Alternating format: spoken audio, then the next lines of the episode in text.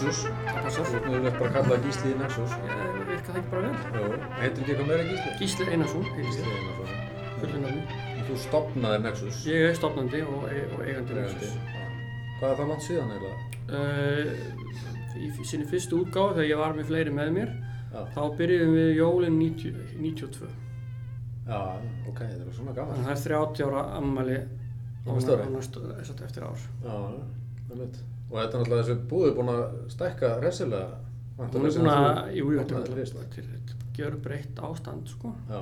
Byrjaði þetta ekki bara sem hilla í Eymundsson eða eitthvað? Jú, þetta byrjaði sko á því að ég var að vinna hjá Eymundsson og var að vinna bara í bókabúðinni hérna sem sagt í Östræði og kynntist þar svona fantasíu skáldsögum Já. þú veist, og all- allir þessari breytt sem hægt var að fá, finna þá og, Já. og Sólveig Stefánsson sem var að vinna þá í Östustræði hérna tók vel á móti mér og, og leiði mér að sjá um ymsa hluti sem hún hafi verið að sjá um Mhm. eins og raði hillurnar og taka til á lagernum og Mm. þannig lærði mér bara inn á þennan heim Mhm. og svo fór ég smá saman að bæta við eigin hugmyndum Mhm.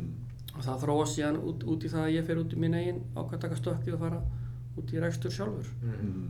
Og reyna að gera, gera, gera svona sérhæfða búðar upplifun frekar, frekar heldur en einhverja deild í annari, annari starri búð einmitt. En þú veist, fyrir, fyrir tíman Nexus, sem að, var eitthvað hægt að kaupa, þú veist, Dungeons and Dragons og, og þetta allt saman? já já, Dungeons and Dragons fegst hérna alveg svona, það kom og fór Já. kannski menn pöntuðu það og svo mundir eftir að svo klárast það og svo mundir eftir að banta það aftur Já. það var einmitt þannig ástandi í Eymundsson þegar ég byrjaði sko. þannig ég fyrsta sem ég gerði var að passa að það er bara pantaði lager og hann væri alltaf til Já. En, en það er Dungeons and Dragons kom, kom, kom hingað vantilega með bara bandarsku hermönunum Mhm. byrjaði bara þar í Það er Keflavík. Fyrst, fyrstu hópandir sem íslensku hópandir eru sennilega í Keflavík Er þetta svona gamal? þetta er sko, við erum að tala um að það er fólk að spila hérna Dungeons and Dragons á vellinum sennilega upp úr, upp úr 1980 Já. Já, og þá er spilið sko 6 eða 7 ára gamalt Já. já, já. Og hérna, og Terry Gunnell sem er núna er upp í, upp í háskóla, hann var kennari þá í MH Já. og hann var að nota ról hérna Dungeons Dragons í ennsku kjenslu það er svona 1985 Já, já, einmitt. hann er þá fyrst í kennarinn til að taka það upp sko, Já. á Íslandi En þið hérna í Nexus eru náttúrulega með rosalega gott safn af svona vísinda skáldskapar ritum. já, já við, við reynum að þjóna þessum, þessum, þessum hinnum almenna sci-fi lesanda sem Já. að náttúrulega þarf að geta lesið á ennsku Já, já. Það er ekki mikið til á íslensku en, en, en frekar mjög lítið þýtt í raun og veru en það er meira, meira útgefið af frum í nýju íslensku efni heldur en þýtt finnst mér sko Mhm. og það er náttúrulega löng hefð fyrir því að lesa sci-fi skálsögur Mm. og hérna og þetta er vera mjög öflugur geiri í, í bara marga, marga, marga áratugi Mm. Og hérna bara sem dæmi að, að við vorum að selja sko vinsælstu bækur á hverju ári hjá okkur voru Game of Thrones og löngu að hún að fara að gera þættina Já, já, einmitt. þetta voru bara metsölu bækurnar hjá Já, okkur allir, allir fantasíuleysandi voru að kafa í þeim sko. Já, já. Og þarna tengjum við inn í, í umfyllunarefni þáttarins með djún. Við veitum, jú, Eða nýja, nýja, dúna eins nýja og hún mun heita íslenski þýðing. Dúna. já, það er víst, það er víst alvöru orð. Og það er náttúrulega e- einhvers konar afbyrðið af, af djún er í nánast öllum öðrum tungumálum í kringum okkur Já, við erum bara svona sér að máti að kalla, vilja kalla þetta einhvers konar sandskapl eða Það var eitthvað að hlusta viðtalið þýðandana mitt. Já, já. Útvarpinu. Ok. og hérna, það, það, þú veist, þetta er náttúrulega þetta er eina af allra merkilegustu sci-fi bókunum Mm. í sögu sci-fi bókmenta, það er ekki hægt að draga úr því Já, Þetta hún er algjörlega pari við Lord of the Rings í fantasíunni Já, og hún er náttúrulega svona hálger fantasía líka djú, það sem að hérna að uh, þetta var mörgur til brautir í þetta bók. Hún, er, skrif- hún er skrifið 1965 Mm. af höfundu sem hérna, hérna sem sagt uh, er, kemur úr frásagna hefðinni sem er búin að vera þá í bandaríkjunum í nokkra áratugi. Já, að vísinda skál, skálskapur er hérna yfirleitt gefin út í svona tímaritaformi já. það voru svona, þú veist, lítil hefti Mm. með, með smásögum mm. eða þá, eða þá, eða þá kö- köflum úr lengri sögum Mm.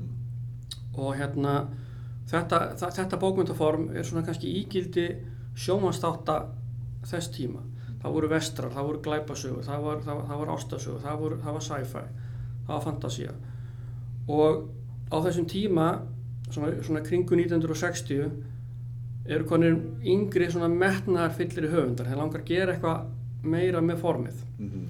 og hérna, og Frank Herbert er svo bandaríkjumæður og hann er einn af þessum sem að í, í þessari bylgju sem var svona mikið til frá Breitlandi en hann er í bandaríkjunum. Mhm. að svona gera færa kannski vísindaskálskapið nær bókmentaverki bara með jafn djúpum þemum þú veist, þú veist jafn flóknum persónum og hann er, veru, hann er búinn að skrifa eina skáldsögu á undan, undan djún, hann er búinn að skrifa fullt af smásögum. Mhm. og gefur þessa bók út 1965 og hún er algjör bylting á markaði í raun og veru. En hérna hún kannski, en hún, en hún kannski vekur ekkert mikla aðtekli út fyrir þennan klassíska sci-fi lesendahóp til að byrja með.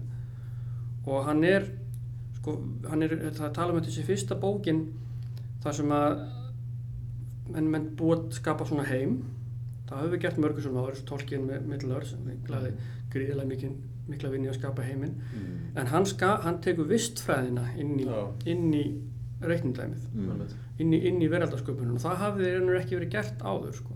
og það, ko- það kom bara frá svona skyndilegum vistfræði áhuga hjá honum það var blaðamæður Já.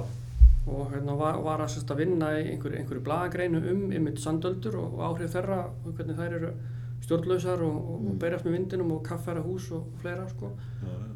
og fyrir að, fyrir að sankaða sér efni og kafa djúft í þetta og enda með að skrifa ekki greinina en hann skrifar þessa bók Mhm. í, sta, í staðinn sko. Já, og þessi bók náttúrulega verður algjör sprenging en það tekur samt alveg mörg ár fyrir hann að verða svona virta eins og hún vinnur strax einhver velun hjá, svona, hjá hérna, fagfélagunum á þeim tíma en tekur náttúrulega tíma að verða hérna, vinsal en hún verður mjög fljótt svona kvöldbók í háskólum já. einmitt af því að hún er bæði tekur svolítið á vistfræðinni sem er þá rosalega vinsælt efni Mhm. þetta er stutt eftir að hérna, Rachel Carson gerir hérna, Silent Spring sem var ádela á, á, á sem sagt, eituröfnunótkun í landbúnaði Mhm. og áhrif þess á vistkerfi og það er hann heilmikið bylgja í gangi hjá þessum, þessum þú veist, hippunum í raun og veru Mhm. að hugsa um hvað verður um móðujörð og hvað erum við að gera um móðujörð og þessi bók talar alveg beint inn í þann Já. inn í þær hugmyndir sko. Og verður þar alveg þessi, þessi, þessi köld Mhm. bók Og þetta kryddi í bókinni og myndinni sem er einhvers konar undraefni sem er unnið úr sandinum. Jú, þetta, er svona, þetta er, þetta er verðmættasta auðlind heimsins Já. í, í, í, í, sög, í sögunni. Það er svona kemur í staðan fyrir ólíðan er unni.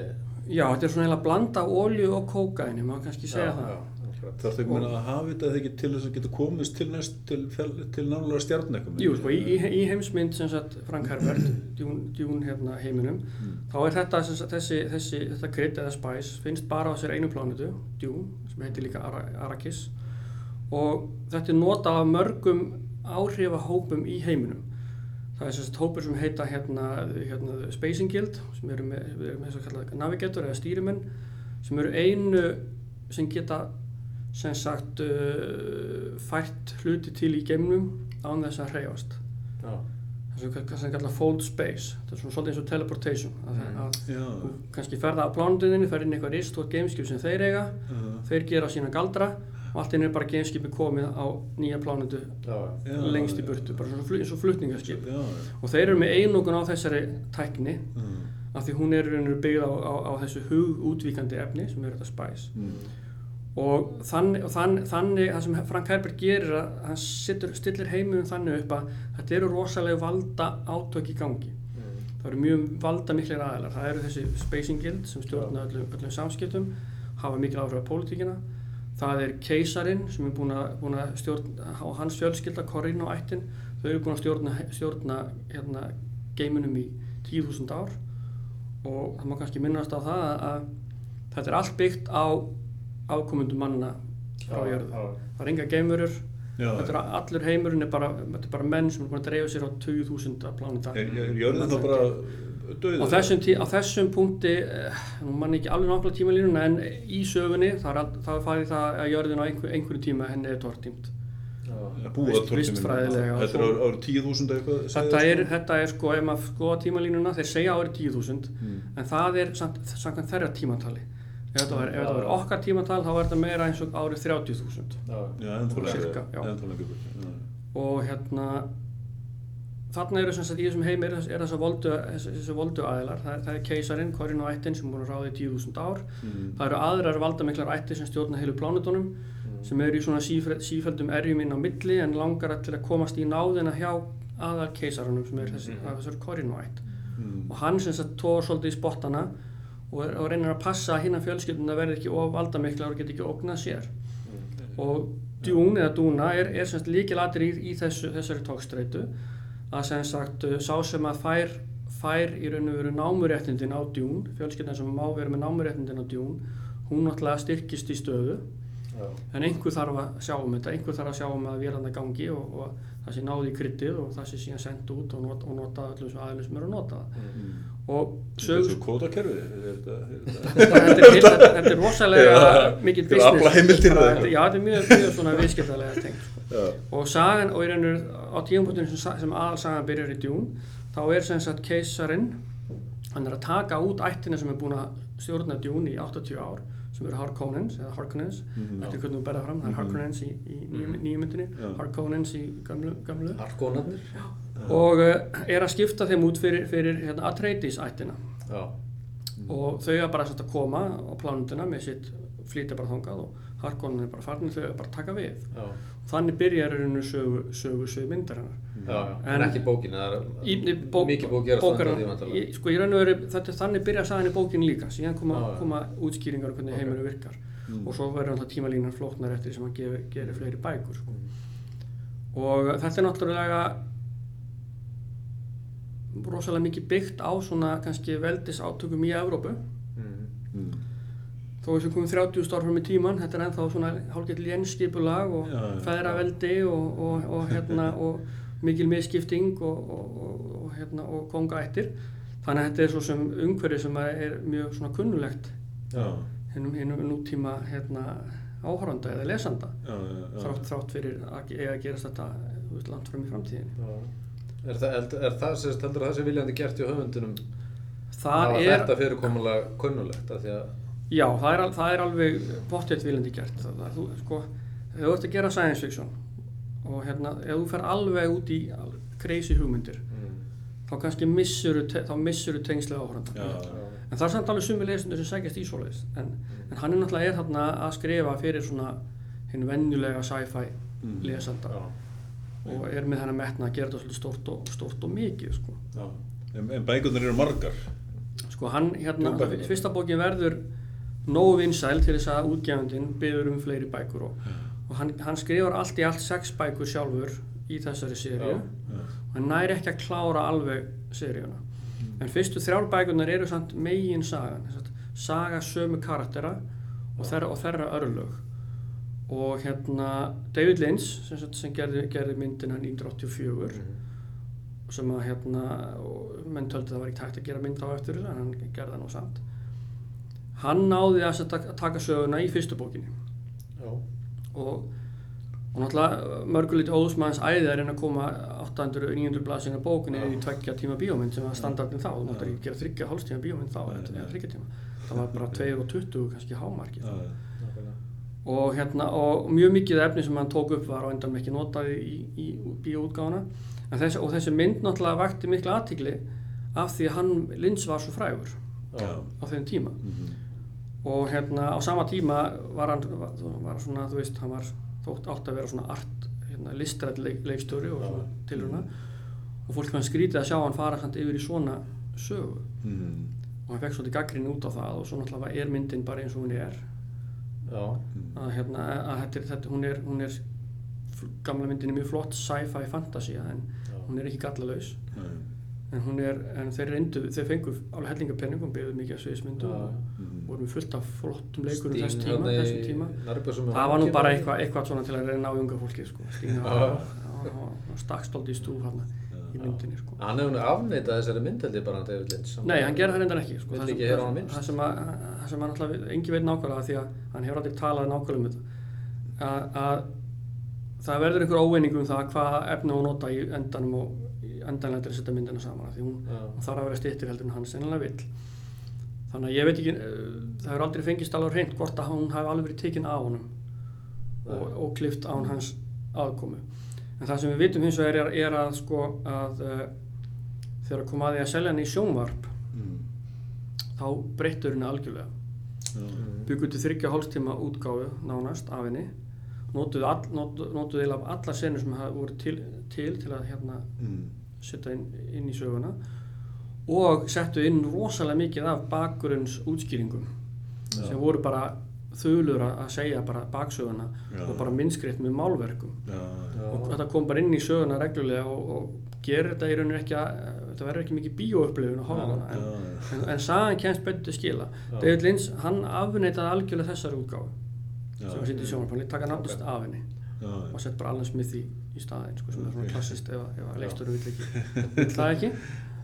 Og, uh, og svo hefur bara ekki, hann hefur ekki talað neitt um hann, hann har aldrei verið neitt talað um að gera eitthvað director's cut og þú veist, hann, Nei. hann alltaf greinilega ekkert að fara tilbaka í, í Nei, þetta. nei. hann var til að gera með Twin Peaks greinilega en er ekki, en ekki, með, ekki með Dune. Uh, þetta náttúrulega gerir bara bókinu ennþá vinsalli, þessi mynd á sínum tíma og, og, þetta, og, og bókinu er haldið sínum vinsaldum og, Mm. og árið 2000 þá er gerð míniserja. Af Sci-Fi Channel sem var þá eina, kap, eina kaparstöðin sem sérhæfis í, í science fiction. Mm. þeim hafi gengið ágætlega að framlega eigið efni. Þetta var svona for, forveri Netflix svolítið. Já, já. að þeir sá að það væri gáðilegt að framlega þetta eigið efni og eiga, það- eiga það. Mhm. þeir ákveða að gera míniserju af, af fyrstu bókinni. Og hún var samtals um fimm tímar Já. sem er álíka langt og, og nýju myndunar hans VNF eiga að vera sko. Já, samanlagt, já. Já. og þar koma þau meiru til skila í sögunni en náttúrulega er að vinna með allt annað budget og, og þetta lítur allt öðru út þetta er meira svona svolítið eins og já. með tölubrellum Já, já. Ok. en, hérna, en ágætis leikarar og, og koma sögunni vel, vel til skila finnst mér persónulega Já. og síðan af því hún gekk, þetta gekk ágætlega þá ákveður að gera framhald eftir næstu tveim bókum samina þær sem sagt hérna, hérna í eina, eina míniserju Children of Dune sem er álíka, álíka löng þar sem að hérna, James McAvoy fær sitt fyrsta stóra hlutverk Já, já. Já, já. Var þetta einhvern veginn sínt á Íslandi þessar? Nei, það held ég alveg ekki sko. Nei. en þetta koma út á vídeo held ég hérna heima ég, samt, ég skal Ok. ekki fullir það sko. Þannig að kannski þetta að finna þetta eitthvað staðar svona... sko þetta þessar tværi míniserjur eru búin að vera á YouTube árum saman þangar til um daginn það tekur það út. um daginn það voru í ágæti skæðum Já, já. ég með þess að horfa á það bara fyrir ekkert, ekkert löngu Þið hefur ekki verið með þetta í ykkar hillum? við hérna eh, ég held að sé ekki til ódýr útgáð sem við getum selt í dag Nei, nei. af þessu en við vorum með í leigun á sínum tíma þegar við vorum í já. og við höfum selt alveg útgáð af þessu mörg, mörg eintök sko. já, já. En, hérna, en, en eins og ég sagði þetta er, þetta, þessar þrjár bækur mynda meginsöguna með þessum karakterum og það er hægt- það er hægt að ljúka svona sögunni fallega Mhm. með þessum þrejum bókum Já. en sagan síðan heldur áfram Mhm. og nú svo kemur hérna, svo er alltaf að tala um að eiga að fara að gera remake og enginn veit nákvæmlega hvað, hva, þú veist það er að tala um að það hafi verið gerð míniserja það hafi verið farið svolítið til Game of Thrones gefið Mhm. svolítið til góðan tíma og endan á ákveður að gera þarna sem sagt tvær myndir Mm. En taka samt bara fyrstu myndina sko. Fyrstu bókina. já, Já. eða ta taka bara helmingina fyrstu bókinni Já. og gera úr henni þessa nýju mynd fyrsta bókinni Já. er, er myndin sem er núna. já. Já. Og svo Og- þeir. og þeir tóku ekki restina sko. Nei. Þannig að, þannig að uh, það veldur svolítið mikið á því að þessi nýja mynd gangi að það, það verði Já, já. gert framhald og, Það er nú rosalega svekkjandi að að gera síðan ekki mynd nummið tvö. Já, þannig að Það er bara framhald í næsta... Já. Ekki vilja taka sensin á því að taka upp back to back. maður veit ekki alltaf hvað gerist bækur tjöldum en það er bara einhverja svona einhverja myndir frá fjölmiðla Já, fulltrú já, já. fulltrú einhverjum Nei, sviðsmyndir og maður veit aldrei sannleikan Þetta sko. er þetta svolítið, svolítið, svolítið riskurglu. en, en uh, maður er haldið það að þetta væri peningalega ákvörðun sko, að, Mm. að, og líka sko kannski erfitt að binda stóra leikara í, þennan, í lengri, tí, lengri tökur Já, já, Þetta er allt- allt, Mm. er mjög vinsæli leikara Þetta er verk, rosa- valið úr Þetta er verkefnum rosalega kastan alltaf, sko. og hérna og, og svo fáður hann hérna hann er kanadískur eða ekki Jú. Denny Villeneuve og hann er náttúrulega nýbúinn að gera hann mynd sem hefur, er svona, hefur thematíst tengsl, eða Blade, Blade Runner Mhm. Teng, tengd við annað mjög frækt sci-fi já. og, og bíómynd og, Mhm. og er náttúrulega rosalega flottur svona visual leikstjóri Mhm. Já. En, en hérna þetta er náttúrulega er sko fyrst og fremst þetta er rosaleg átaka saga og það, það þarf í rauninu kvikmynda alla þrjá bækunar til að fá heilda myndin og, hann, hann ætlaði sér alveg að gera það sko, Já, já. ef þetta gengi sko. Þú tala um alla þrjár en, en, það eru sex bækur samt. já, síðan kemur svona langt, langt breyk í tíma og hann gerir síðan þrjári viðbót Já, þannig að það eru þessi þrjár sem eru kannski svona... þessar þrjár eru, eru aðalatrið sko, en ef þú vilt, ef þú ert orðin aðdáðandi þá náttúrulega lestu hérna líka Já, já. en það, þá áttu komin í ennþá meiri fantasíu sci-fi í raun og veru það eru Já. hlutin orðin ennþá já. þúðust árum eftir þetta en það eru samt karakterar ennþá úr, úr hinnu sko. Þannig að oft talað um þessi sko. bók sé bara ekki, sko, þessi ekki hægt að kvikmyndana. Það er hægt það nokkur sinnum. sko ég held að það hafa nú allt verið byggt á því að, að, að þá þú veist bara löng bók hvernig það gera tvekja tíma bíómynd skilur það er kannski það en Já, þetta, já. þetta, En nú er Getur- teknin til. það er nú er allt tæknin til og, og, og, hérna, og hann fær hann að fimm tíma sem er helmingi meira heldur en Lins fekk í sjálfu sér en en sem er jafn langt og míniseran þannig að það þarf samt að sleppa alveg heil miklu Já. ef alltaf að ná eh, ekki, ekki bara verið endur stutta senur og, og, og, og í rauninu sagan fær ekki tækjaður til að anda. Akkurat. og það er náttúrulega alltaf spurningin þegar þú taka svona bók hva, hverju vilt átt að sleppa hverju viltu reyna að halda? Mhm. og hérna mér sýnist að, að hann sé að fara mjög svipað leið og David Lynch hvað það varðar. Já, hann er að nota sömu þú veist, karakterinn á mjög svipaða máta. Hann er að, hann er að sleppa mjög svipum hlutum og David Lynch slefti já. og hann hins vegar fer ekki eins nákvæmt í baksöguna til að byrja með. Þannig að mér grunar með að, að það sé eitthvað sem hann ætla að koma meira inn vil að hann hafa þetta aðeins einfaldari fyrir áhörundan Mm. David Lynch myndir byrja bókstaf á 5 mínútum af útskýringum ef þú komast 5 mínútur sint á myndina þá áttu bara hvað, hvað er að gerast? En, er en, er, en er þá eins og það, að því að það kemur að það er alltaf sem að vera að tísa einhverju svona, einhverju sögu eins og hennar, m- mömmunar og eitthvað svona, þú veist, en er það þá útskýrt mögulega í bókinni?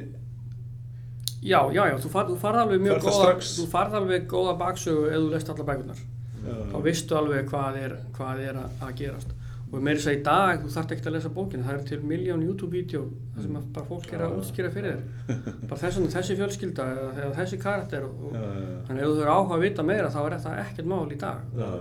Og, og þessi mörgum sem vídeóm eru bara mjög skemmtilega og, og, vel Mhm. uppsett sko, þetta er náttúrulega Mhm. gríðilega stór aðdæmandahópur sko. En hjó eftir, ég finnst gaman að að þú varst að tala um Game of Thrones og, ég veit að hann er bara mjög þakklátt að, að, að í dag að vera með góða sögu, með góðum personum eins og Game of Thrones er til dæmis að, og, og, og svo þannig að einmitt hefði ekki verið gaman að gera einmitt svona reysa seríu sko, flotta þegar Sko, þegar- þegar þú varst að tala um og þeir hefðu hugsað ég, ég hefði alltaf farið þá leið sko. ég hefði bara gerið, þú veist, gert bara þú veist, 12 tíma seríu bara á fyrstu bókinni. Og svo bara aðra 36 úr næstu tveimur, eitthvað svo leiðis Já, að því að, að, því að, Bara- að því að þetta er kannski svolítið ríkuleg svona Já, saga í þetta, er, sko, þótt að sé eigi að vera svona sci-fi og þetta er rosalega mikið svona grand þetta er í grunninn fjölskyldu saga þetta, er Já. bara, þetta eru fjölskyldu átök, átök fjölskyldu aðra fjölskyldur, Mhm. átök innan fjölskyldana Mhm. og alls konar, hérna, þú veist, svik og brettir og, og í því bara eins og Game of Thrones Já. og þetta, þú veist það er oft bara betra að gefa svoleiðis sög bara tíma. Já, og, það og leifa dálítið fólki, fólki þykja vænt um karakterinu og fara, fara, að þekkja Já. það og skilja það og Mhm. þekkja baksögnu þeirra. Já, og það er erfið að gera það í bíómynd. Bara því bíómynd hefur minni tíma. Já, og, Og því, og, því, og því meira sem fjölga, fjölga karakterinu í bíómynd því minni tíma hefur hver karakter. Já, þannig að það verður ennþá vandasamar að skrifa Já, þú karakter. áhörðundi getur um átt að segja á náttúrulega byrju hvað er þessu og hver er þetta og og veist, það er svo stutt tími, sko. Það var daldið svona í þessari mynd sko, manni fannst svona eins og vant meiri upplýsingar eða einhver svona betri insininu svona persónu fannst mér. já sko, það, er mjög erfitt fyrir mig það sem ég þekki þetta alveg inn og út Já. að- að að- að svona reyna að skynja hvernig þú, maður er að reyna að setja sig inn í, inn í einhvern sem veit ekki neitt Já, við, já, og mér fannst hún alveg gera það vel sko, mér fannst það eins og með baksöguna Mm. þeir voru ekkert að útskýra kannski meira en þurfti á þessum tímapunkti Já. og þar, þar með kannski svona fækkuður aðeins því sem þú þurftir að pæla í. Á meðan, á meðan Lins fór hinnalegina bara við erum, að, við erum með infodump bara strax Já, já. til að reyna að útskýra hvað, Já, er- hvað er í gangi og svo fara inn í söguna Mhm. og þannig að mér finnst þetta ekkert endilega vittlust leið en það, svo er bara spurning allar hann að bæta þessu við eftir á þegar það fyrir að vera þör, meiri þörf á því Mhm. af því það í rauninu ég trú ekki að hann sé að fara að sleppa allir það er ekkert að tala um keisaran í þessari mynd það er það bara talað um hann, hann er aldrei síndur, aldrei sínt það sem hann er að gera Stellan Skarsgård og Nei, keisarinn er sem sagt- baróninn. það ba- Það baróninn, já. Stellan Skarsgård er sem sagt barón Harkonnen, hann er já. sem sagt höfuð Harkonnen ættarinnar og Harkonnen plánundunar. Keisarinn hins vegar er Emperor, Mm. hann er af Corrino ættinni, hann er á annari plánundu og hann er svona meira, meira top dog í heiminum á þessum tíðanbúnd. Það er ekkert rætt, það er bara rætt um hann Það er bara talað um hann kemur og ekki hann sendir hann hermenn til, að Já. aðstofa, mjög grimma hermenn sem hann þjálfur sjálfur, sinni heimaplánundu og hérna, en það er aldrei talað um að hann, þú veist, það er aldrei sínt svona nákvæmlega að það er hann sem er að tója alla spottana En hefur hann ekki power til að venda hérna, hérna, þessa nýju hérna, kvótaeigundur hérna? Sko, án, án þess að vera að spilla allt og mikið Nei, nei, að gera það mikið. Þetta er náttúrulega, allt þetta sem hann er að gera er part, allt sem er, allt sem er að gerast í byrjun myndarinnar er partur af grand plani keisarans. Já, já. Hann er að nota Harkonnen ættina og Atreides ættina Já. og raun og raun og veru egnaðir upp á móti hver annari og það eru Já. búnar að eiga erjum öldum saman, Já. það þurfti nú ekki mikið til. Og þetta er, er allt partur af hans áallun að- að að- að vera, vera áfram aðalmaðurinn í geimnum. Hann er búinn að- Mhm. Hans fjölskyld er búin að vera til tíust ár Mhm. og allir þessir, þessir, allir þessi, hérna, allir þessi höfuð og ættanum, þau lifa lengur, þau, þau nota kryddið til að lifa En lengur. þú lifa, já, það, Já. það veitir þeim meira Þau, líf. þau eru eða svo. mennsk en þau, en þau eru kannski fann að lifa í 200 ár út af, út af þessari stöður kryddnóttum og kryddið, og það getur hennur bara aðs fólki gert það því að kryddið er það dýrt. Sko. Hvernig tekur þú inn kryddið? Er þetta bara svo Uh, það tala um það, þú veist, í myndunum er þetta, er þetta sem sagt bara borð, í Devilinsmyndinu er þetta bara borðað, eins og Já. bara, eins og blakkistöngu eða eitthvað. Og hérna í, í hérna náttúrulega í þetta er líka andað að sér. Já. og það er alveg greinlegt í ný, að hann fyrir þessa leið í nýjumyndinni við nöfa að, að Pól er að, Pól hann ungi, ungi sonurinn sem er, allt snýst um á endanum Mhm. er að anda að sér kryddinu sko og er að, er að upplifa sínir já. út af því, út af því. Já, já. og síðan er tala, síðan öðrum bókum er talað um það að allir dæmis bara ef þú átt einhvern pening veist, í djún heiminum þá reynur allavega að setja smá út á, á morgunkotnið þitt þú veist Já, já. það er til að fá einhver, einhver áhrif af þessu þó að þetta er bara svolítið eins og að vera með gullflugur eða eitthvað, ég veit það ekki Já, Það- þetta er hérna- algjör- þetta er svona truflu, spennandi. truflu, truflu olju Já, þetta er svona rosalega positíft efni, þetta er ekkit eiturlif sem hefur slæm á hrjóði nema, nema að þú farið eitthvað áskinnunni kannski en, jú, það er náttúrulega þessi notaða mest verða alveg háði sko.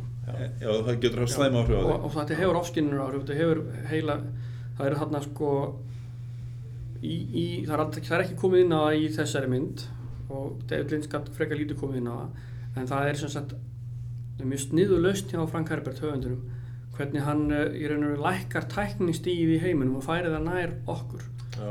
Einmitt, nákvæmlega, með, með, með, með því að, að sem sagt uh, mannkynið er búið að gangi gegnum gerfugreindar uppreist og byltingu Já. það sem Já. gerfugreind og, og vélmennum í gerfugreind önnur tæki reyndu bara að útrýma mannkyninu bara eins og Terminator já, bara nákvæmlega eins og törmuritur mm.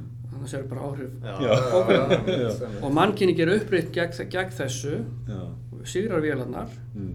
en gerir síðan bara bóðar Þú, það, það verður aldrei aftur gerð vél í manns líki Nei. Já, já. Þa, þannig, er, það er, þannig eru engar tölfur það er engin stafræn tækni að sjá Nei, nei. í heiminum sko. Og, það, og, það, og það er farið yfir þetta í bók þetta, þetta er bara sagt frá þessu í já, bókinu já, í bókunum þetta er alveg, kýrskýrt sko. Kýrskýrt, já og hérna og það sem þetta gerir skemmtilega svona fyrir söguna er að þetta, færir alla, allt sem heitir allt, allir bardagar Mhm. öll tækni, allt umhverju, þetta verður svona þú veist uh, svona útgáfa framtíðinni sem er mjög tengd fortíðinni Mm. og þeir eru með sem sagt, í staðin fyrir tölvur þá eru þeir með sem kallar mentats sem eru raunir bara, þú veist menn sem eru bara nánast þjálfaði frá, frá bassaldri til að vera mennskar tölvur geta framkvæmt reik, reikninga í hugunum mm. á, gríð, á gríðalegum gríðalegum hraða sko. Það var einhver persóna einmitt þannig í myndinni sem Já, virkaði þeir, þannig. ba- all, alla fjölskyldunar eru með svona sinn eigin, eigin mentat Mm. en, þetta er fólk sem fæðist ekki þannig heldur þjálfu upp í því Já, þjálfuð þjálfuð upp í því sko. Já. Það var einhver svona heimilis eða fjölskyldulæknir hann sem virtist vera bara Já. svona Svo er- svo er heimilisleikur, hann, hann er sína annað, þar, hann er ekki hann er virðist vera næstu í skegn í ný, nýju myndin, hann, hann er Já. það ekki í bókunum minni mig, nákvæmlega það er ekki jafn mikið fara út í það. Leggur eitthvað með bara En- í, já. í handeyfilagning eitthvað. Já, hann er svona er, heilari. er þannig að þetta er svona þú veist þetta er rauninu miðalda stemning já. þó að sé í framtíðinni sko. Nei, maður, því að maður hugsaði, hvað er afturreyingin, hvað er snjálfsímanir, hvað er hérna, já, það var eiginlega ekkert mikið að gera hérna hjá þeim Þetta Nei, þetta var bara rúminu Nei, þetta var svolítið sterilt svona umhverfi og svolítið kallt sko. já, það hlýtur að leiðast þú saman. og hérna og, og einmitt ekki, allt bara gekk út á heið, heiður og hotlustu Já, og, já, og já. þjálfa, sjálf, þjálfa sig Já, sko. er enginn, alltaf sé búið útrýma allir, allir sem heitir þörf fyrir svona tómstundir, tómstundir eða? Nei, nei, það getur ekki verið sko, því að til dæmis hérna í Atreides fjölskyldunni Já. Gurney Halleck sem er leikinn hérna af Josh Brolin Já. núna og leikinn af Patrick Stewart Já, í Já. David Lynch myndinni hann er það sem, það sem kallar klassískur bard sko í fantasíunni hann, hann skemmtir með því, með því að spila og syngja sko. Já, hann gerði það eiginlega ekkert í þessari mynd. Nei, hann Bara- gera það ekki neitt í þessari mynd. Það sést aðeins í hljóðfæraðins og, og, og Paul segir við hann, þú veist, okkur, þurfum við að fara að æfa bardaða núna, okkur spilar ekki frekar ekki fyrir já, okkur já, já. Þannig að það er aðeins komið inn á það og hann er svona, hann er svona ofta, hann er líka, þú veist, allir trúa þarna trúa eitthvað hann er, hann er oft með einhver, einhverja trúateksta að þylja þá. Já, þylja já, þá. já. En það sést aðeins betur í linsmyndinni í senum sem voru ekki notaðar í myndinni en eru í þessum lengri. Já. Já. Það, þar er Patrik Stjórn að spila. En á hvað trú er þetta fólk? Um, Er það, er, er það sami guð og, og sko það er að ta alltaf tala um Guð já, bara einhver, já, og það sé Guð og hann, en, hann, en það er ekkert hérna farið neitt mjög nákvæmlega út í það þannig að þetta er svona svolítið virðist vera meir eins og, eins og hver hópur hefur sína eingiðis trú mm.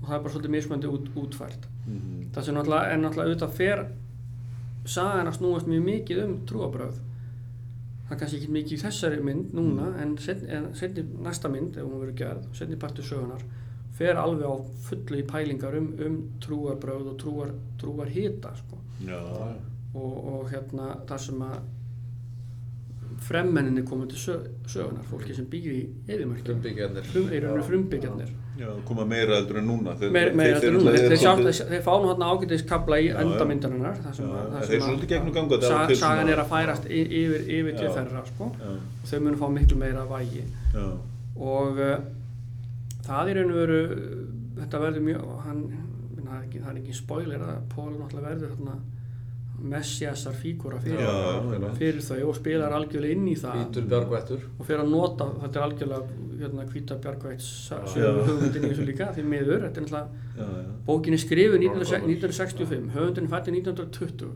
já, hún er ekkert progressív sagan sem slík, við getum alveg tætt, við ætlum að fara að skoða hana með, með linsu, feminisma og, og, Já. og, hérna, Já. og, Og ekki gagkinheðar og allt þetta, þá getum við alveg tætt hann í okkur sko. Já, já. en bara þetta, bókmyndir þessa tíma voru bara á þessum stað og það er ekkert Mér skilst þurfum að að í, sko. í bókinni sé, sko, nú maður hérna nefnaði mig áðan, að það sé svona homoerotíst samband milli Pólar Treytes og hérna Duncan. Um, það ég er, það- held að það sé rántúrkum Já. Mm. uh, ef ef ef ég er full, fullkomlega frank Mm. þá var hann Frank Herbert hann var ekki, já, hann var ekki ákvæður í gag, gagvart samkynniðum. Og eini samkynniði aðilinn í sögunni er vondikallinn. Baron Harkonnen Já, já. það er ekki sínt í myndinni en hann er, hann er á að vera samkynniður í bókunum Já, já. og samkynneið er ekki viðurkend í heiminum greinilega eða þú veist hún er bara ekki til stað í heiminum Mm. og höfundurinn sjálfur átti samkynniðan son sem hann afneitaði sem dó, síðan á AIDS og þeir náðu aldrei saman aftur já. Meðan hann reynir fekk reyndur báða síni sína á móti sér Mm. en, en, en, en hinn sonurinn Brian Herbert sem sættist við föðu sinn Mm. og endanum að tók við arfleið hans Já. fór að gefa út sögur sem framhald af hann, úr hans heimi Skrifa sjálfur þá. hann var eh, ekki aðalhöfundurinn Nei, nei. en hann var svona meira eins og, eins og reitstjórin Já. fekk, fekk, fekk, hérna, fekk mjög góðan sci-fi höfund með sér í Mm. það og þeir eru búin að gefa út einhverja 15 bækur. Í rauninu til viðbót Já, og já. búin að bæta gríðarlega miklu við heimsmyndina Mm. og eru búin að klára þennan söguendir sem að Frank náði ekki að klára eftir þessu sex bækur það þurfti, þau skrifuð tvær í viðbót Þú er alltaf í þessum heimi. þetta er alltaf sami heimurinn Já. En þetta er áhugavert sko, þú varst að tala um áhrifin uh, sem þessi bók hefur haft bara á, þú veist, vísinda skálskap yfir leitt og án þess að ég hef lesið djún að hann ég fór á myndina að þá sá maður strax tengingarnar hérna til dæmis við stjörnustríð það sem er virðist vera alltaf svona margt stælt það er hann að yllur keisari og, og það er hann að bjargvættur og það er hérna einhvers konar máttur á ferðinni bara strax í fyrsta atrið þegar Röddinn. eða ekki? Já, þegar mamman segir hérna við sonin notaði innri röddina að röddina, ekki? Láta hann í já. rétta þér matinn eða hvernig sem Já, var, eða saltið það, var, það er eitt af því sem ég finnst hann gera skemmtilegast í þessari finnst hann gera betur en Lins að það er henni myndskreita þessa hugmynd. Að, að sagt, uh, mamman er henni tilheyrir það sem við getum kallað nunnureglu. Bene, Bene Gesserit hérna reglan sem er semst búin að vera í, í gangi í þúsundir ára, allt saman konur. Þær eru eins og aðrir hópar í djúnheiminum þær eru að reyna að hafa áhrif á, á söguna baku tjöldin. Þær vinna fyrir alla, allar, allar hyrðirnar hjá öllum fjölskyldunum þeir Já. eru alltaf með eina. Og það eru allar þjálfaðar í, í því sem við myndum kalla sko paranormal, paranormal abilities Já. Vilja psychic hafa þær Það vilja sér. hafa þær hjá sér Já. af því þær eru bara eins og þú veist þær geta hérna að lesa hugsanir Já, já. þær geta barist skilur þær, þær Já. geta hérna beitt röddinni sem er sem sagt bara fær fólk til að gera það sem þær segja sko. Já, já. og, og uh, þær eru stór partur af heiminum og, og mér fannst þeim verið að gera nokkuð góð skil í þessari mynd. Já, það er aðeins meira sínt í David Lynch myndina þær eru allstaðar Já, og hérna þær eru búin að, þær, en það er líka sínt að þær eru búin að toga í, í strengina. Og þær hafa far, far, þú veist, undirbúið jarðvegin á Arrakis fyrir því að, að þær myndi einhvern þurfa á aðstóð frumbyggjana með því að búa til mýtur Já. sem spila inn í það sem þær eru að, eru að gera. Mm. þessar, þessar, þessar, þessar, þessar konur. Já, já. Og, og þegar, þegar, hérna, þegar Paul og, mamma Jessica sem er, er partur af þessari, þessari hérna, reglu koma á plánunduna þá sjá bara innfættir hérna, séu sem sagt séu sem sagt spádómar að rætast Já, Það er bara búið útvaldi mættur hinn útvaldi mættur og, og, og, mynd, og myndin sýnir mjög skýrt að þetta er eitthvað sem þær gerðu viljandi þessi regla- Planta- búin að regla. planta Já, sinn. bara plantaðu sinn bara Já, já. Sem svona einhvers konar þú veist eh, bara fínt, fínt að hafa þetta bara til auðvitað Já, svona ef eitthvað kemur upp á Já, já, já. Hversu flókin er bókin? Þessi, frá hvaða aldri er, er hægt að lesa hana svona cirka? Ég myndi nú, það er náttúrulega fyrir þetta einskunnáttu, hún er, hún er ekkert, þetta er skrifað 1965, þetta er, þetta er mjög gott mál, hann var mjög góður höfundur, hann var svona góður prósi hjá honum, Mm. þessi Já. texti, þetta er mjög skýr og góð texti. Ég myndi segja bara að, að ef, að, þú veist, fólk eru læst, vel læst á ennsku og þá er það bara að leggja í það, Já, já, ok. Mm. sjá hvað gerist. Mhm. Þetta er mjög skemmtileg dramatísk sag, hún byrjar strax bara á hérna á svona pælingu, það er verið að leita hver, það er, er svikari innan ættrætis ættarinnar Mhm. þau vita það, þau veit ekki hver það er þau eru að reyna að lita á hann myndirnar kom ekki inn á þetta Já, það er slepptu þeim kapla já. sko. þó hann það auðvitað er svikarinn það er bara ekki það er ekki verið að nálgast það alveg saman nei. Mhm. þannig að ég, þú veist ég myndi all, alltaf híklust mæla með fyrstu þrejum bókunum Mhm. en það er verða alltaf aðeins meira og meira crazy eftir því sem að líður að hugmyndin að verða viltari sko. Já, já. En það er nú svolítið vilt inn að er ekki að tala um ormana þarna og sko Jó. þeir eru svona kannski, ég, ég hugsa svolítið kannski að vera svona til svona áhrifsauka eða, eða til að búa til spennu eða dramatík eða en hvaða, hversu merkilegir eru þeir þannig í og öllu Sko, þeir eru náttúrulega stór partur af vistkerfinu og þessum vistkerfispælingum hjá Frank Herbert og má kannski alveg bæta því við að- að Þetta eru svona sandormar sem, sem að skrýðum í. Risavaxin. gerði alls konar tilhörinu með hugvíkandi efni sjálfur á sjálfan sig Já, þetta er á- áður en þetta var allt bannað í bandaríkjunum það voru margir af þessu.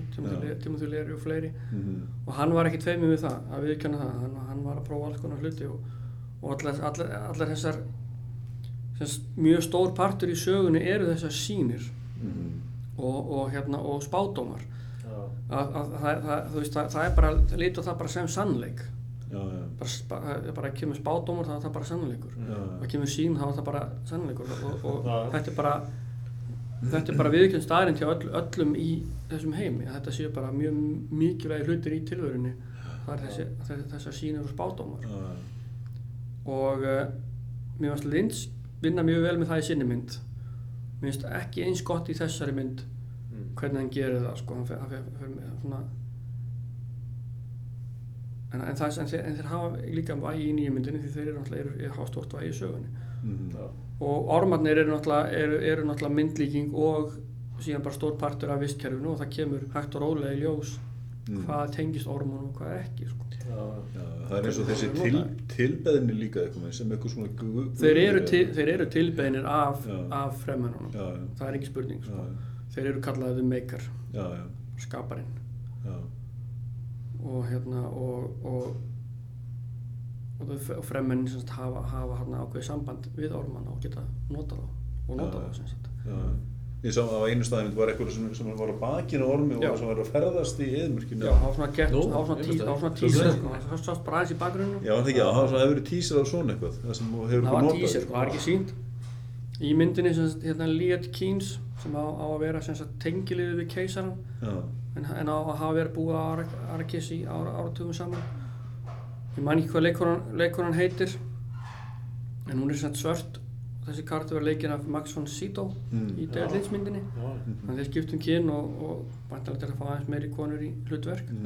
Líka. og hennar síðasta móment er að hún er að fara að undirbúa sig undir að fara á, á svona orm sko, er komið með, komið með hérna, verkværin sem þarf til þess. já, já, já, en næri og er að kalla á hann sko, en næri því ekki. Með takt, hérna, hvað var þetta kallað? með taktinn sko. Það er ekki gaman að segja, við getum sagt frá því að, að, að þeir sem sagt, uh, þeir laðast að jöfnum takti, það Já, svona, já, og þess vegna þarf að lappa með sérstökum hætti um eðumörkina ekki taktfast sem sagt. Já, já. einmitt. Ég myndi mér bara pínu á Monty Python hérna á Silly Walks. ég held nefnilega að ég myndi ég svona, ég ætlaði að, að fara þessa leið ok, en svo einhvern veginn dróður úr því og það var ekkit það var ekkit vandræðilegt sko. Nei, nei, það slapp alveg, já, þetta var svona pínu sér líða ég hefði alveg viljað sjá það fara alla leið því að það var sínt þarna sko þegar Pól er að, er að læra um plánundunum sem hann er að fara á Já, þá sínt svona bara brot af fremmen í alveg full, í fullkónu svoleiðis gangi sko, Já, já. þá var það bara eins og dans. En ég, þeir hafa ekki ákvað ákvað fara ekki þá leið þegar þau eru sjálf að það hefði kannski verið aðeins og mikið fyrir áhörundur já, til að kaupa sko. maður skilur, maður skilur það alveg. En varstu sáttu við leikar á að liði myndinni? já já, ég er alveg, ég er alveg ágætlega sáttu við þessa mynd. Þannig séð sko. Ég er náttúrulega, þetta, þetta er ekki þetta er bara hálf bíómynd við verðum að hugsa á þannig, þetta er mjög skrítið raunur að þetta er svona, þetta, er ekkert ósipað Lord of the Rings nema kannski það er ekki alveg eins strútturinn er ekki alveg sami sko. Þeirri bókstælega það er bara kötta á miðja söguna Mhm, það er engin endir og það, þú, veist, það, þú verður bara, verður bara að halda áfram sko. mhm. þannig ef þið gerir ekki myndina þá mun fólk bara þurfa að, að lesa þessa eða, eða, Hún endur á- alltaf á því að á sagt þetta. þetta er bara byrjunin. Já, já, þannig að, að, að mér finnst hérna sko persónulega er ég, ég er engin Víinöf superfan sko mér finnst hann ágætur Mhm. mér finnst hann gera mjög skemmtilega hérna visuála, mér finnst hann mjög metnaðfullur í hvað var það útlit Já. og svona, og svona ákveðin stíl Mhm. en hann er ekkert voðalega svona hlýr sögumæður Nei. Nei.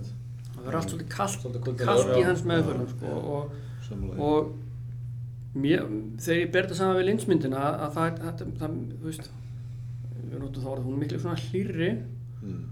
það er bara eins og leikarnir fái aðeins meira andrými til, a, til að, að, Mhm.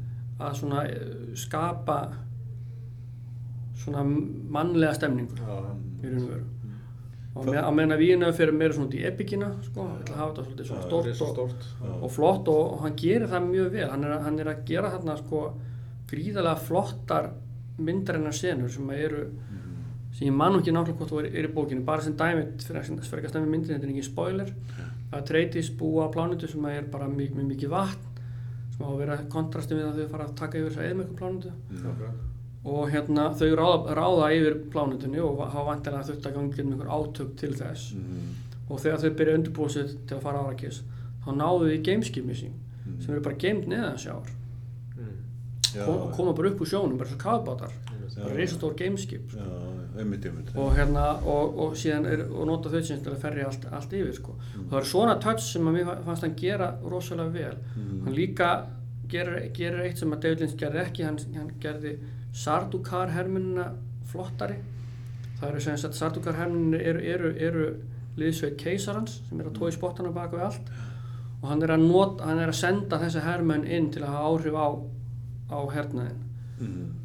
Og, og en, en sem sagt uh, þessi menn eru þjálfar á, á, á, á, heimplánutu keisarans mjög grimm bardaða þjálfun og það er bara svona sínt skot af því hvernig það er, að blek, hvernig það er búið að ræða þeim upp og þeir eru að fara, fara á fara á Arrakis, það er verið að blessa þá. Mm. og þá eru bara, þá er búið að skera kannski 15 af þeim á háls eða, eða 15 manns á háls. Já. blóður eru svona lekur niður og fer inn í vatni sem á, á blessa. Og það er bara sínt svona bara, þú veist, Já. sekunda tvær sekundur það er svona, hann nær ofta að negla inn finnst mér stemningu Já.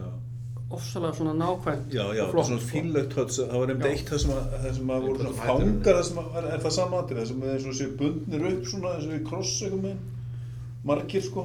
já, þeir voru, þeir snýru auðvitað reyndar. Já, þetta Já, var svona eins og einhver pyntingar af lágu bara svona í, einhverju svona stein, Já. stein allt, Það er þetta sama aðrið sem þú minnst það það gefur manni svona ónóta tilfinningu eða já, sem, já, sem, já, sem, já, því þetta virkar þetta er ekkert bara venjulegir hermenn þetta eru, þú veist, bara ruddar sko og bara aldur upp frá, frá, frá barnesku við erum við bara að vera ruddalegir hermenn sem að þyrma engum Þetta er náttúrulega mm. svona grimmilegur heimur, svona Mm. almennt hana. hann er það sko Og engin. mér er þess að höllin var mjög kuldaleg hana. Já, hann er mjög grein, hann er mjög hrifin djúp. af, af stórum rýmum, Já, það. Að- Ég er alveg samlega því að stílinn er flottur og, og Og hérna, og þegar maður horfir á linsmyndina þá var þetta bara, það er svo stór se- set sem voru að gera alls konar skrautlega arkitektúr og innrýtingar. Já. En Það verður líka mjög raunverulegt. Það, þú, setur, þú byggir sviðsmynd og setur fólk inn í hana og lætur að leika. Já. Þú veist, það hjálpar alveg áhörndanir. Já. Tölvu gerð sviðsmynd, þú veist, eða bara tóm sviðsmynd, það er ekki alveg það sama. Sko. Nei. Er eitthvað maður að spyrja hérna, hvað, hvaða leikstjóri væri drauma leikstjóri fyrir þetta? Ég get ekkert sagt, ekkert sagt það. Sko. En ég hefði haldið að það væri leikstjóri sem myndi fókusera, per, persónulega myndi ég fókusera á persónunar, kartisköpunina, samskiptin og láta, sko, ég segja, visual, hérna, myndrænum hliðina, mæt, þess að ef hann getur ekki gert bæði, þá myndi ég freka fókusera á, á það. Já, já. Bara af því að það, það er það sem heldur og yfirleitt aðtikli áhórenda er. Já. og halda með einhverjum, þú veist, finna til samúða með einhverjum og skilja af hverju einhver gerir eitthvað, þú veist, og með þess að þá vondikallin gerir eitthvað, þá skilja það. Það er þetta sem, þú veist, gerir sögur sterkari. Mhm. Það er mjög flott að hafa opaslega flotta umgjörð og hún getur náttúrulega verið bara, þú veist, stór player í, í, í hugmyndinni. Já. En á endanum held ég að fólk vilja alltaf mest bara góða sögur um fólk. Um fólk. Já, það er ekki til teiknumynda útgáfa djú? Uh, nei, það er ekki til. Það hefur aldrei verið gert neitt. Það Það hefur bara verið, það hefur, jú, sko, þegar myndin var gerð fyrst á sínum tíma þá kom, David Lynch myndin, þá kom stutt myndasaga um það og ekkert meira. Nei. Og hérna, það er ekki fyrir núna, núna nýlega, þá eru þið byrjað að gefa út nýja myndasögu sem alltaf taka alla fyrstu bókina er Frá- er byrjun til enda og, og hún er reyndar alveg óbúslega góð. Ég var að lesa hennan daginn Mm. og hérna, og hún er, hún er bara afbraksgóð. Bara Mjög, hún á að, ég held að hún held að Já. brent, ég held að það hafi ekki brent að nóa henni og það er búið að vera vandamál með, í, með pappír út um allan heim, í brentun og vesen. Þannig erum, við erum að missa út titla í lengri tíma sem við vildum ekki vilja missa út. Mhm. En þetta er svona ef fólk vil kannski langar að kynnast sögun í bókinni en leggur ekki í svona þunga skálsögu, svona freka þungulestur ef þú ert ekki vanur í. Mhm. Þannig að getur að fara í ljóðbókina, það er ekki spurning. Og svo getur maður líka farið í þessa myndasögu sem hefur mjög, mjög fín, en hún verður nú sennilega nokkur ára að klárast. Sko. Já, já. Já. Þeir eru bara rétt að byrja, sko, þetta verður alveg sex bækur held ég. Já. En svona með lýsingarnar ásöldu þá hefði maður haldið að væri röggréttast að búa til svona já, sjónvastætta serju í Game of Thrones bara kaliberi sko. Mhm. Ég, hef- ég hef, persónulega held ég hef alltaf farið þá leið, sko, því að, því að eins og við segjum, en þetta er að mörgu leiti blúprint fyrir margt af því sem kemur Já. eftir á. Sko. Mhm. Þeir náttúrulega- En mér finnst líka rosalega gaman að sjá þetta þegar þeir taka þessa, þessi Hollywood budget Mhm. og setja það í hendunar á mj- mjög myndrænum leikstjórum. Já, Þá er maður að sjá svona hluti sem þú sérð ekkert dagstaglega, sko, og, og hérna, ég er mjög gaman að því líka. Já, það er og gaman að því að sjá svona og, vísendaskottsögur og, og fara þá í bíó ekki horfa þetta í sjónvarpinu heima ég vil þá með sem er stort sjónvarp fara, þú, þú vilt fara í bíó og sjá sandormin bara þú veist, hérna bara sem sem er hérna og- Ég er svo tónlistin eins og þú segir, hann Simmer hérna, hún var svolítið svona, hún var svolítið stór partur af myndinni hans manni, kannski full mikið stundum, ég, er það ég, er ekki sem er fan heldur sko. Já, hann en, en, hann, en, en svolítið. hann, hann var að hann var svolítið yfirkerið þetta sko, fannst mér Mm. en hann var samt, með, hann var samt mjög skemmtileg, fínlegri tónlist í mörgum senum en með svona þegar hann Já, virkir já, alltaf að já. keira þetta upp Mm. en, en, en hérna en uh, þeir náttúrulega hann, þeir eru greinilega að reyna að búa til einhvern hljóðheim sem er svolítið uník Mhm. það er mjög Já. fór nálega plús fyrir það Mhm. að þeir eru allavega að reyna ekki að gera þetta klassiska symfóníu sound ekki gera eitthvað svona elektrónist nei, sound. Það, tónlistin í, í, í David Lynch myndinni það var náttúrulega ótrúlega ákvörðin Mm. að fá sem sagt liðsmenn Toto þá var, bara svona þú veist bara rockband í raun og veru svona pop-rock band Já, já. til að gera músíkina sko Já. Var Afrika nokkuð? Nei, Afrika var ekki þá sko, og, en, en tónlistin í David djún er alveg frábær Já, já. hún er bara alveg frábær sko. Maður þarf greinilega bara að sjá þá mynd þó hún séður Sko ég, ég, ég, ég mældi mig um daginn, ég, ég, svona, það er sko, það er til útgáfa á netinu og ég get alveg mælt með henni. Hún er unnin út úr þessari þryggja hálfstíma útgáfu, sjónvarsútgáfunni, Já. En þetta er bara áhuga maður sem gerir þetta, bara Mm. ein, einsýnsliðis. Já. Hann klippir hana til og breytir henni aðeins Já. og gerir svona fan-edit sem hann er búinn að gera, sko, þetta er fjórða útgáfa af þessu fan-edit. Já. Hann er búinn að fínpúsa þetta, þetta er endanlega útgáfan. Ok. Þetta er svo útgáfa sem ég myndi sé að fólki horfa á í dag. Hvað er hún sér? Hún er bara á YouTube, YouTube. bara frítt á YouTube.